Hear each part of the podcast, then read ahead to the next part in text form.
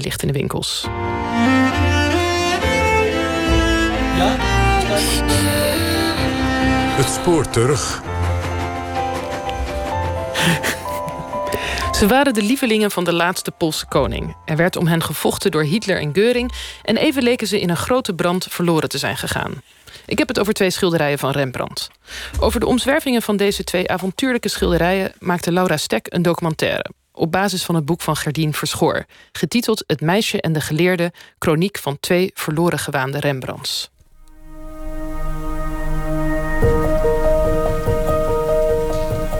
Het bestaan was heel lang bekend, maar ze waren weg. Iedereen vroeg zich af waar zijn ze gebleven, want ja, niemand had ze na de oorlog ooit nog gezien. En ineens doken ze op. It turned out that they actually still exist. Heel merkwaardig. Het kan gewoon niet waar zijn dat er uit het niets ineens twee prachtige Rembrandts eh, tevoorschijn komen. Maar dat was wel het geval. Ze maakte een lange reis door het hart van Europa, overleefde twee wereldoorlogen en leken daarna ruim 40 jaar van de aardbodem verdwenen.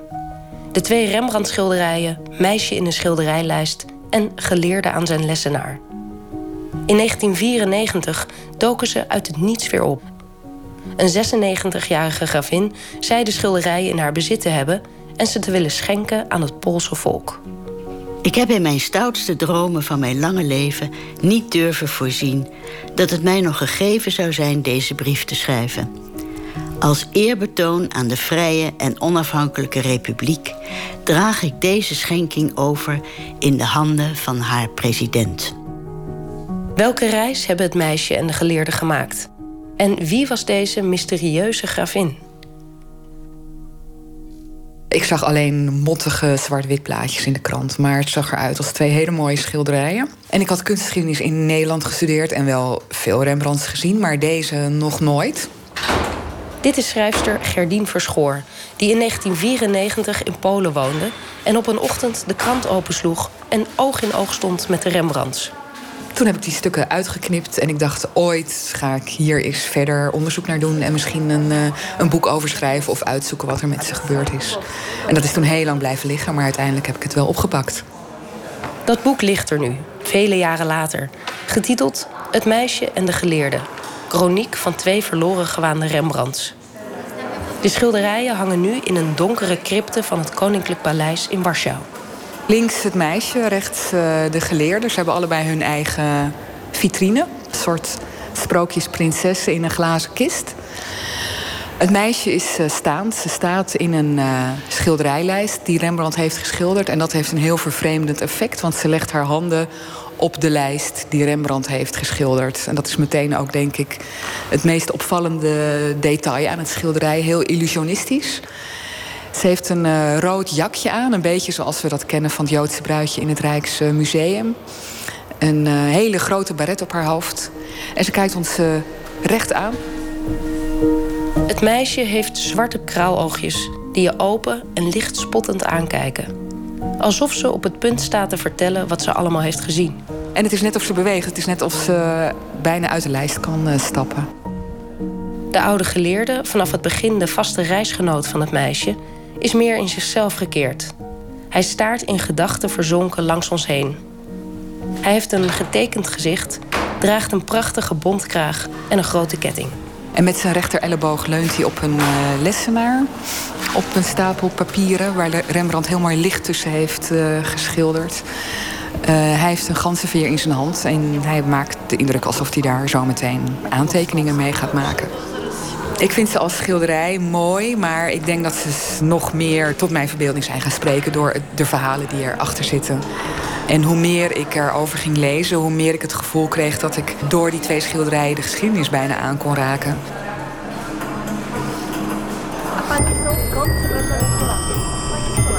Die geschiedenis begint in 1641 in het atelier van Rembrandt in Amsterdam. Daar hadden een anoniem jong meisje en een oude man model gezeten voor zijn zogenaamde tronies. Schilderijen van gewone mensen. Niet in opdracht geschilderd, maar bedoeld als vrije werken voor de verkoop. Het gaf je ook veel meer vrijheid als kunstenaar, want je hoefde niet iemand mooier te schilderen dan dat hij eigenlijk was. Je kon gewoon iemand puur natuur schilderen. En dat kun je ook zien uh, aan de geleerde. Met zijn vrat en zijn uh, dronkenmansneus. Of rode neus in ieder geval. Als je je officieel liet portretteren door Rembrandt... en daar veel geld voor moest betalen... ik denk niet dat je dan wilde dat hij ook jouw vrat liet zien. De eerste die gecharmeerd was van de man met de vrat... en het meisje met haar kraaloogjes was Jan van Lennep. Jan van Lennep was een uh, Amsterdamse zijdekoopman die samen met zijn broers uh, aan het hoofd stond van een enorm zijde-imperium in Amsterdam. Dus ze dreven handel. Ze hadden een uh, zaak op de Warmoestraat. Uh, Jan van Lennep zelf had een heel mooi pand aan de Kloveniersburgwal. Dus die behoorde tot de rijke elite van Amsterdammers. Die hun geld verdienden met internationale handel in zijde, in laken en in allerlei andere textiele vormen. En van Jan en ook van zijn broer Abraham weten we dat ze hun geld heel graag staken in uh, kunstwerken. Dus die hadden beide een grote kunstverzameling. Na de dood van Van Lennep verdwijnen de schilderijen in een zwart gat van zo'n 80 jaar. Maar daarna duiken ze weer op bij een graaf in Berlijn. In de 18e eeuw, toen ze in die Berlijnse collectie terechtkwamen, zijn ze ook afgezaagd om ze op hetzelfde formaat te brengen. In de 18e eeuw was er een mode van pendanten. Men vond het heel fijn alsof ze uh, bij elkaar hoorden. En in diezelfde periode zijn ook de titels veranderd. Dan is het meisje wordt uh, de Joodse bruid genoemd. En de geleerde wordt genoemd de vader van de Joodse bruid... die haar bruidschat regelt. Nergens op gebaseerd, maar kwam natuurlijk heel goed uit, want daardoor was het net alsof ze bij elkaar hoorden en waren ze veel beter verkoopbaar, omdat ze volgens de mode een setje waren. Omdat de Berlijnse graaf zijn dochter met grote schulden achterlaat, besluit zij het setje te verkopen. En niet aan de minste. Na dagen reizen in een postkoets over hobbelige wegen en langs grensposten komen ze aan in Warschau, bij Stanislav August, de laatste koning van een zelfstandig Polen. De koning was een zeer flamboyante man. Hij was ook ijdel. Een uh, big spender. The minute you walked in the joint, I could see you were a man of distinction, real big spender. Toen hij nog geen koning was en door Europa reisde, was hij ook voortdurend in de financiële problemen omdat hij te veel uitgaf vooral aan zijn kunst aankopen. Hij had één hele belangrijke kunstadviseur, dat was Marcello Bacciarelli. En uh, Bacciarelli had een soort verzamelplan voor hem gemaakt. Uh, en Bacciarelli had ook een mapje met werken die hij niet aan de koning wilde laten zien, want hij wist dat de koning ze niet kon betalen. Gelukkig paste de Rembrandts nog net binnen zijn budget. Hij correspondeerde ook met een uh, salonière uit Parijs. En in zijn correspondentie schrijft hij ook heel enthousiast naar haar... Oh, Bacciarelli heeft weer zo'n mooie Rembrandt voor mij gekocht. Ik ben er heel erg blij mee. Good time.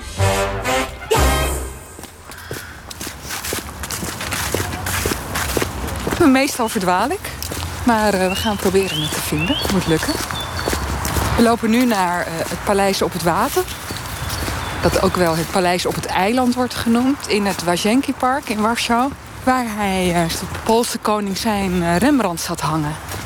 En het was een soort uh, buitenplaatsje... waar hij kon ontsnappen aan het officiële hofleven. Het ligt inderdaad helemaal verborgen eigenlijk. in een beetje een, een slaperig niet extreem mooi park. Het park is heel erg mooi hoor. Oh, ik, ik, ik, ik zie de schoon het even niet dus- helemaal. Maar misschien komt het gewoon door het jagen. ja, nee. Er liggen nu, liggen nu wat troep en zo bladeren in het water. Maar je ziet hoe mooi het ook weer spiegelt. Uh, kijk naar zichzelf in die vijver. Dzień dobry, cześć. Conservatoren Dorota Jutschak en Isabella Sigovic wachten ons op op de binnenplaats van het Wajenki-paleis. Waar de Poolse koning zijn maîtresses ontving, grote feesten gaf en waar de Rembrandts van dichtbij bewonderd konden worden. Het is eigenlijk gesloten op maandag, maar ze hebben het speciaal voor ons geopend. En we staan hier in een nogal barokke zaal. My tak na chwilę potrzebujemy bez hałasu. This is the place where originally the paintings hang. This was uh, the most important interior uh, at the palace in terms of painting decoration. Among them Rembrandt's and uh, the most precious paintings from the king's collection. Hier kon Stanislav August, liggend op zijn sofa, uitkijkend over zijn parkvijver met zwanen en pauwen, in het gezelschap van het meisje en de geleerde, ook mijmeren over zijn jeugdliefde, Catharina de Grote, tsarina van Rusland, die hem in het zadel had geholpen in Polen. Wat zij natuurlijk deelde was eh, de liefde voor eh, de kunst. Want Catharina was een enorme verzamelaarster. Met trouwens een bodemloze schatkist. Wat in het geval van de koning niet zo was. En ze zijn toen een geheime relatie begonnen in Sint-Petersburg. En zowel in de memoires van Catharina de Grote als in de memoires van de laatste Poolse koning wordt die liefde op een hele mooie manier eh, beschreven. Met haar zwarte haren had ze een rug die van een verblindende blankheid was.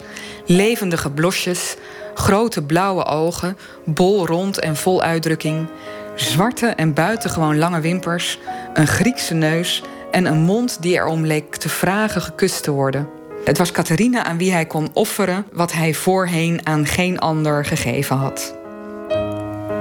Catharina, later bekend om haar hoordes minnaars, beschrijft in haar memoires vooral hoe spannend het was om als man verkleed het huis te verlaten en Stanislav op een geheime plek te ontmoeten.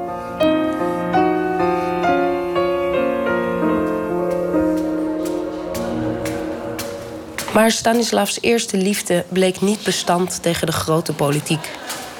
Dat is te zien in een vrij droevig portret van een inmiddels grijze koning op de tweede etage van zijn paleis. So this is a king that knows his legacy is actually lost, but he still hopes that there is still some hope in his life for the Polish people. Maar er was geen hoop meer voor het Poolse volk. Want Stanislavs machtige ex-geliefde vond hem toch iets te eigen gereid worden. Het was een man van de verlichting. Hij wilde een ander soort democratie. Hij wilde minder invloed van de adel. De adel was heel invloedrijk in Polen in de 18e eeuw. Hij wilde betere scholing voor zijn onderdanen. Hij wilde van Warschau een bruisende en intellectuele stad maken. Uh, hij werkte aan een uh, andere grondwet, die ook vrij revolutionair was voor de begrippen van de 18e eeuw. En dat vond Catharina de Grote, maar ook uh, Frederik van Pruisen. Uh, die vonden dat veel te bedreigend. Die wilden niet dat Polen een uh, grote onafhankelijke staat zouden worden. Dus die hebben daar korte metten mee gemaakt. En zijn van verschillende kanten het land binnengevallen.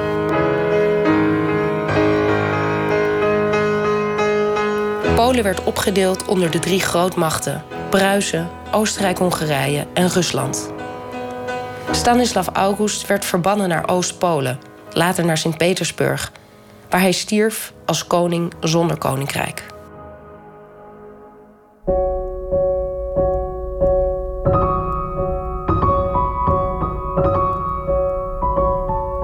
Het meisje en de geleerde bleven eenzaam achter en werden verkocht. Wederom om de grote schulden van hun vorige eigenaar te dichten. Zo kwamen ze via overerving uiteindelijk in de collectie van Karel Lanskoroński, van geboorte een Poolse graaf, die een groot deel van het jaar in Wenen woonde.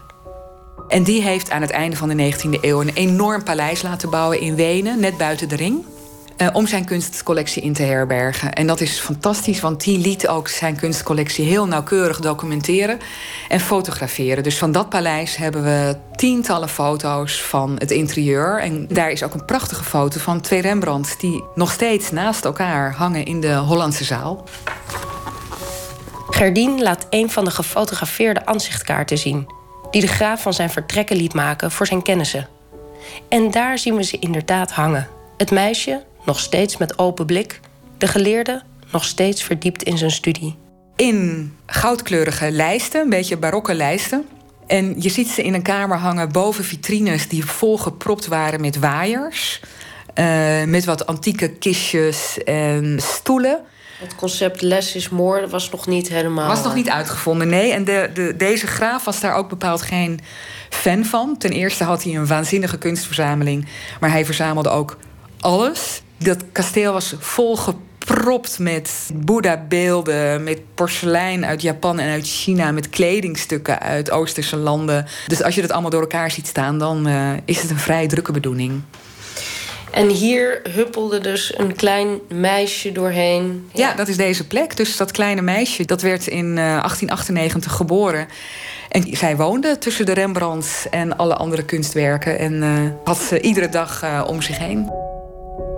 Dit gaat over de dochter van Karel Lanskoronski, die jij heel bescheiden Carolina noemde. Carolina Lanskoronska was de gravin die de Rembrandts in 1994 aan het Poolse volk zou schenken. Zij groeide op tussen die enorme kunst- en reproductiecollectie van haar vader en reisde met hem door Europa om alle belangrijke musea te bekijken. Kunst zou een cruciale rol in haar turbulente leven blijven spelen. Dat kleine meisje kon rond de eeuwwisseling nog niet bevroeden wat het met haar zou doen, maar het heeft haar leven bepaald.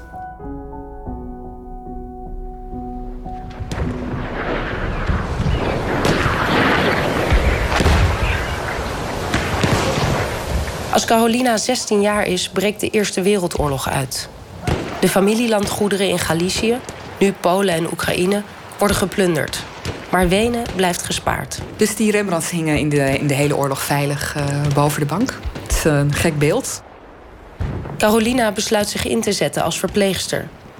Op een foto uit 1914 staat een serieus kijkend zwartharig meisje met brede kaken en puppyvet in een verpleegstersuniform voor een landhuis. Eigenlijk had ze kunstgeschiedenis willen studeren. Maar na de oorlog twijfelt ze daaraan. En zij dacht: Mijn land heeft nu een heel ander soort vrouwen nodig. Namelijk vrouwen die voor de zieken zorgen. En vrouwen die de armen ondersteunen. Of vrouwen die onderwijs geven. En wat moet ik dan met mijn schilderijen en mijn uh, positie aan de universiteit? Hoe zou ik mijn leven achter een bureau kunnen doorbrengen om aan mijn geliefde 16e eeuw te werken? Zo egoïstisch zou ik toch niet kunnen leven? In Warschau bezocht ik verschillende organisaties op het gebied van de gezondheidszorg en een school voor verpleegsters. Ik was in tweestrijd. En ze beschrijft in haar memoires dat ze daarover een aantal gesprekken heeft gevoerd met een eh, arts met wie ze bevriend was. Uh, Polen werd in 1918 na de Eerste Wereld onafhankelijk. En deze arts zei: juist in het onafhankelijke Polen hebben we mensen nodig die nadenken over ons culturele erfgoed, die daarmee Polen weer een gezicht geven als onafhankelijke natie. Jij moet dat verhaal gaan vertellen. En ik denk dat ze met zo'n morele opdracht uit de voeten kon met haar leven als kunsthistorica. Toen was het geen escapisme meer, maar een opdracht.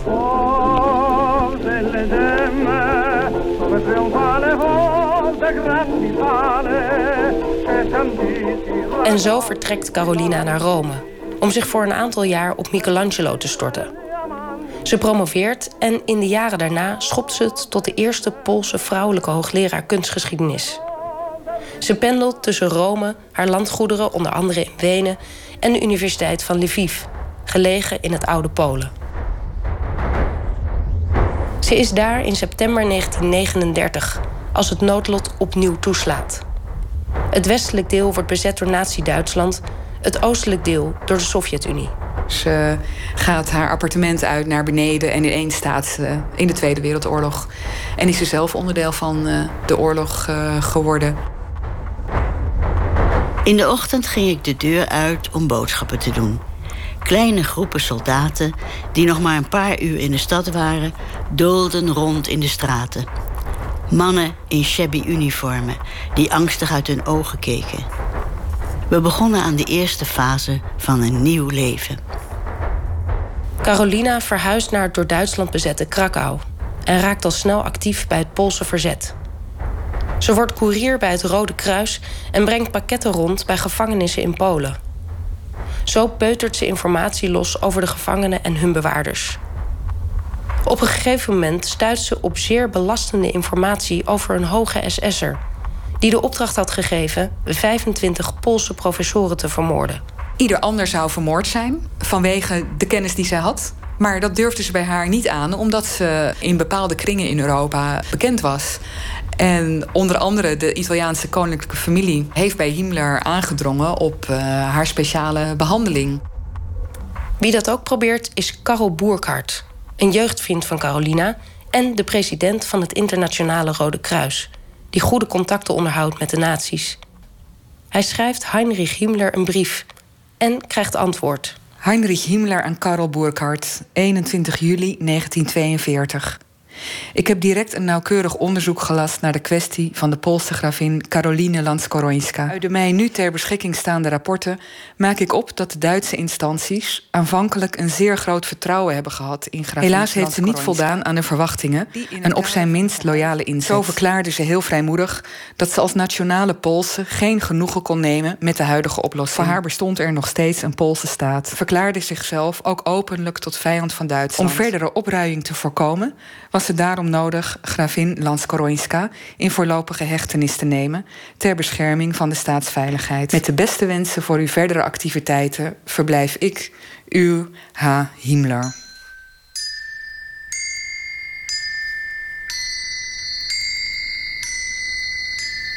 Carolina komt via verschillende gevangenissen terecht in kamp Ravensbrück.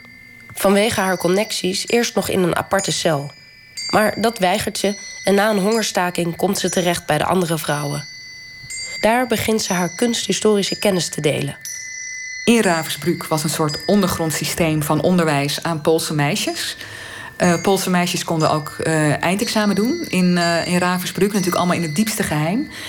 Maar een aantal onderwijzeressen of leraressen die gaven dan ook les. En Caroline had haar programma van kunstgeschiedenis. Dus zonder plaatjes bracht zij schilderijen tot leven bij haar medegevangenen.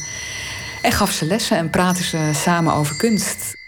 Een schilderij is veel meer dan een ding in een lijst aan de muur. Het, het kan een enorme kracht en een enorme betekenis hebben.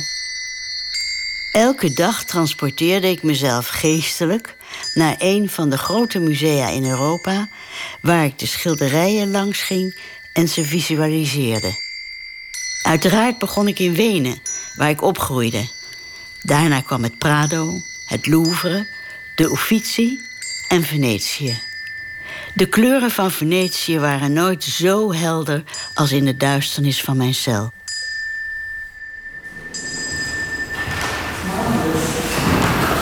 Oh, wat is dit?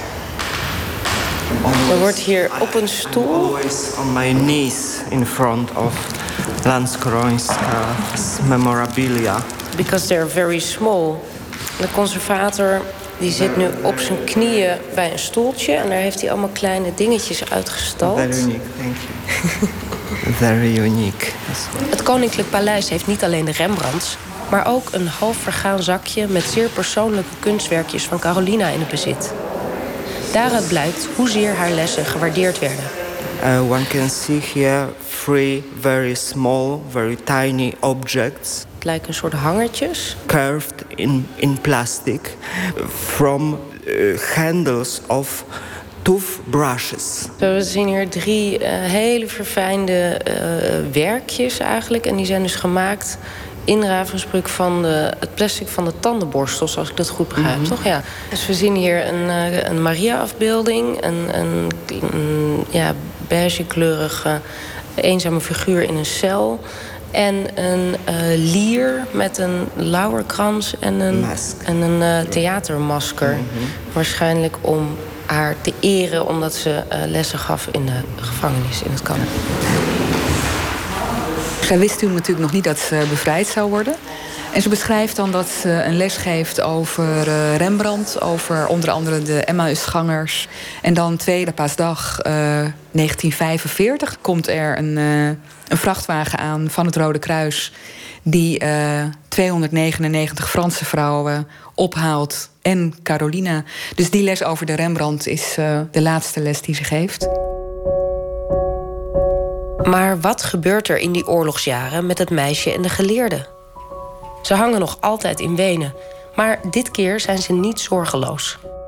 Het huis wordt in 1939 al geconfiskeerd door de Duitsers, die uit angst voor bombardementen alles in nabijgelegen paleizen hebben ondergebracht. Maar op een gegeven moment uh, krijgt de conservator van Hitler lucht van de collectie. Dat klinkt negatief, want het was een legendarische collectie. Dus die conservator wist van het bestaan. Dus hij uh, laat weten dat alle kunstwerken weer terug moeten naar het paleis in Wenen. Want hij wil ze dan graag allemaal ter plekke bekijken.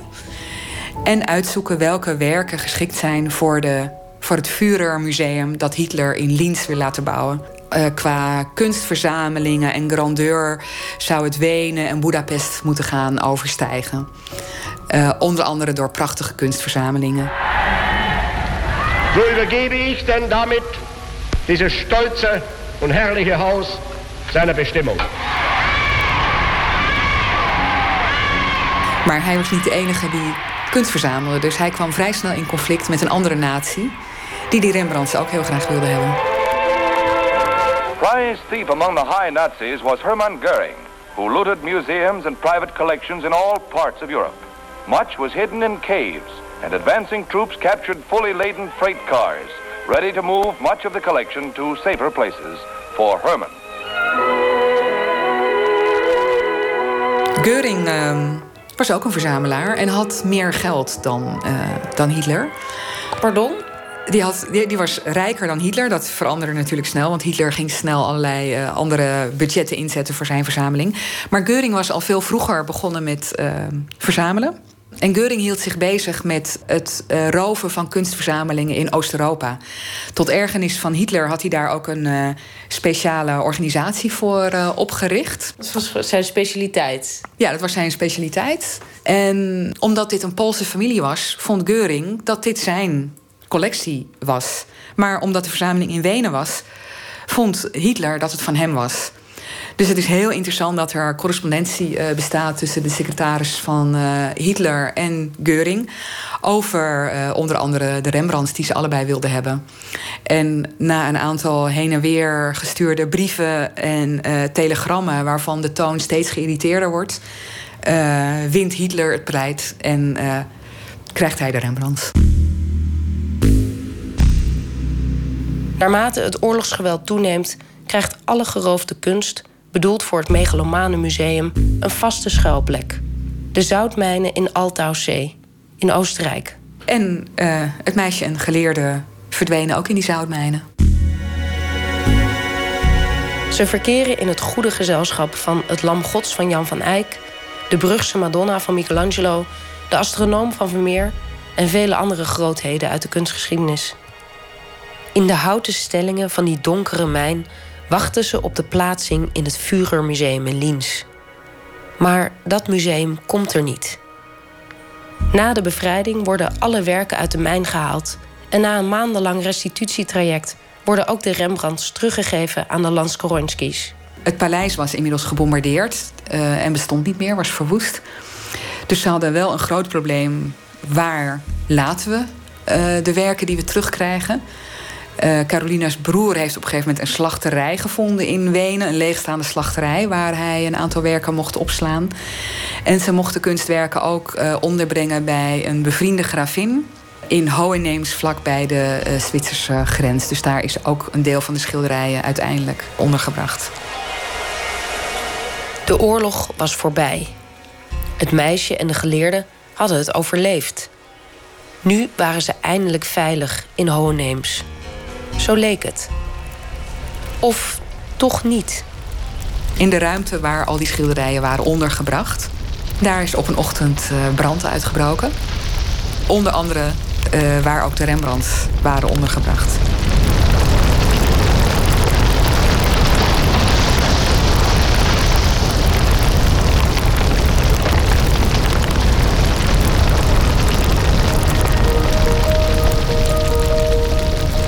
Mei 1994. Conservator in opleiding Dorota Jutschak luistert gespannen mee als haar baas het fijnste telefoontje uit zijn carrière krijgt. We thought them fired and lost. It turned out that they actually still exist. De Rembrandts, die door iedereen waren opgegeven, blijken te bestaan. En ze komen terug naar Polen. It was moving to see uh, these paintings hang in the original place. Ik was buitengewoon verheugd, omdat ja, ze passeerde natuurlijk voortdurend als je aan het browsen was. Dus, dus je was nieuwsgierig naar die schilderijen. De grote Rembrandt-kenner Ernst van de Wetering wordt direct ingevlogen. Want sommige mensen opperden dat dit misschien te mooi was om waar te zijn. Dorota ontvangt hem in Warschau. And it was fascinating to see him sitting in front of the painting, doing nothing, only looking at it, I don't know, two hours or three hours. It was absolutely fascinating. Ja, je kijkt, je kijkt, je kijkt. Het duurt een hele tijd eigenlijk voordat je alles wat er in zo'n schilderij zit... voordat je dat begint te, te waar te nemen en te begrijpen. En u heeft niet gedacht van het is misschien van iemand anders? Dat, dat, dat heeft u nooit gedacht? Nou ja, die gedachte die moest je wel, al, al was het maar omdat eh, anderen zo'n gedachte geopperd hadden. Dan moest je daarover nadenken natuurlijk. Dat meisje was even wennen, omdat daar heel veel onrust in zat. En, en geleidelijk zijn we er pas achter gekomen dat ze in beweging is weergegeven. En dat was eigenlijk meteen een argument voor Rembrandt... omdat hij tijdlang trompe dat is zijn bedriegertjes... van levende figuren had, had gemaakt. Dus daar paste het eigenlijk heel goed in, Rembrandts, eh, in het beeld van Rembrandts eh, productie. En hij begon met de nachtwacht in 1640, een jaar voordat hij met, met dit schilderij even bezig was. En er zitten hier al dingen in die je ook in de nachtwacht tegenkomt. Dus dat, eh, namelijk de manier waarop die rode kleding is geschilderd. Die figuur in de voorgrond die zijn geweer aan het laden is in de nachtwacht. Die heeft, is op een manier geschilderd die zeer verwant is. En die is ook in beweging weergegeven. Ook met, uh, met dingen om hem heen die bewegen. Zulke dingen hielden Rembrandt op dat moment bezig. En uh, dat sprak natuurlijk ook alweer meer voor Rembrandt uh, dan, dan ertegen. En zo gingen het meisje en de geleerde de boeken in als officiële Rembrandts. En toen kwam dus de pers, er moest een persconferentie. En toen heb ik in de, bij die gelegenheid het schilderij de Mona Lisa van Warschau genoemd. dus iedereen was ja, ja, de Mona Lisa van Warschau. De Mona Lisa van Warschau en haar oudere compaan hadden de brand in de jaren 50 dus toch overleefd. Waarom dat jarenlang stilgehouden was? Carolina, haar broer en zus wilden hun kunstcollectie na 1945 niet meer in Oostenrijk houden, vanwege de nare nasmaak van de collaboratie. Maar de Oostenrijkse staat had strenge regels omtrent cultureel erfgoed en wilde de collectie per se behouden. Daarom gebruikten de Lanskoronskis de brand, die minder groot was geweest dan gesuggereerd, om een groot deel van hun collectie in auto's naar Zwitserland te smokkelen. Daar lagen de Rembrandts en vele andere werken jarenlang in een kluis te wachten op de onafhankelijkheid van Polen, dat al die jaren nog bezet was door de Sovjet-Unie. Carolina Lanskorońska had nooit gedacht dat ze de nieuwe president Lech Walesa nog kon schrijven om de schilderijen aan haar geliefde Polen te geven. Meneer de president, ik heb de eer mij tot u te richten met het volgende. Ik ben de laatste van ons geslacht. Mijn broer en zus zijn overleden. We waren alle drie kinderloos. Ik ben 96 jaar en mijn leeftijd staat het mij niet toe u persoonlijk te bezoeken. Daarom schrijf ik u deze brief. Ik wil u de zaak voorleggen van een schenking van kunstwerken afkomstig uit de collectie van mijn familie. Als eerbetoon aan de vrije en onafhankelijke republiek draag ik deze schenking over in de handen van haar president.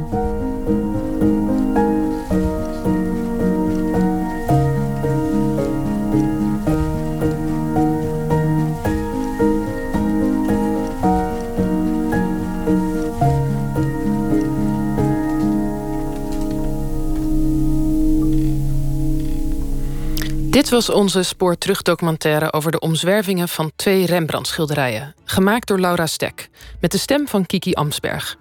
Wie meer wil weten over de twee schilderijen, lees vooral het boek van Gerdien Verschoor.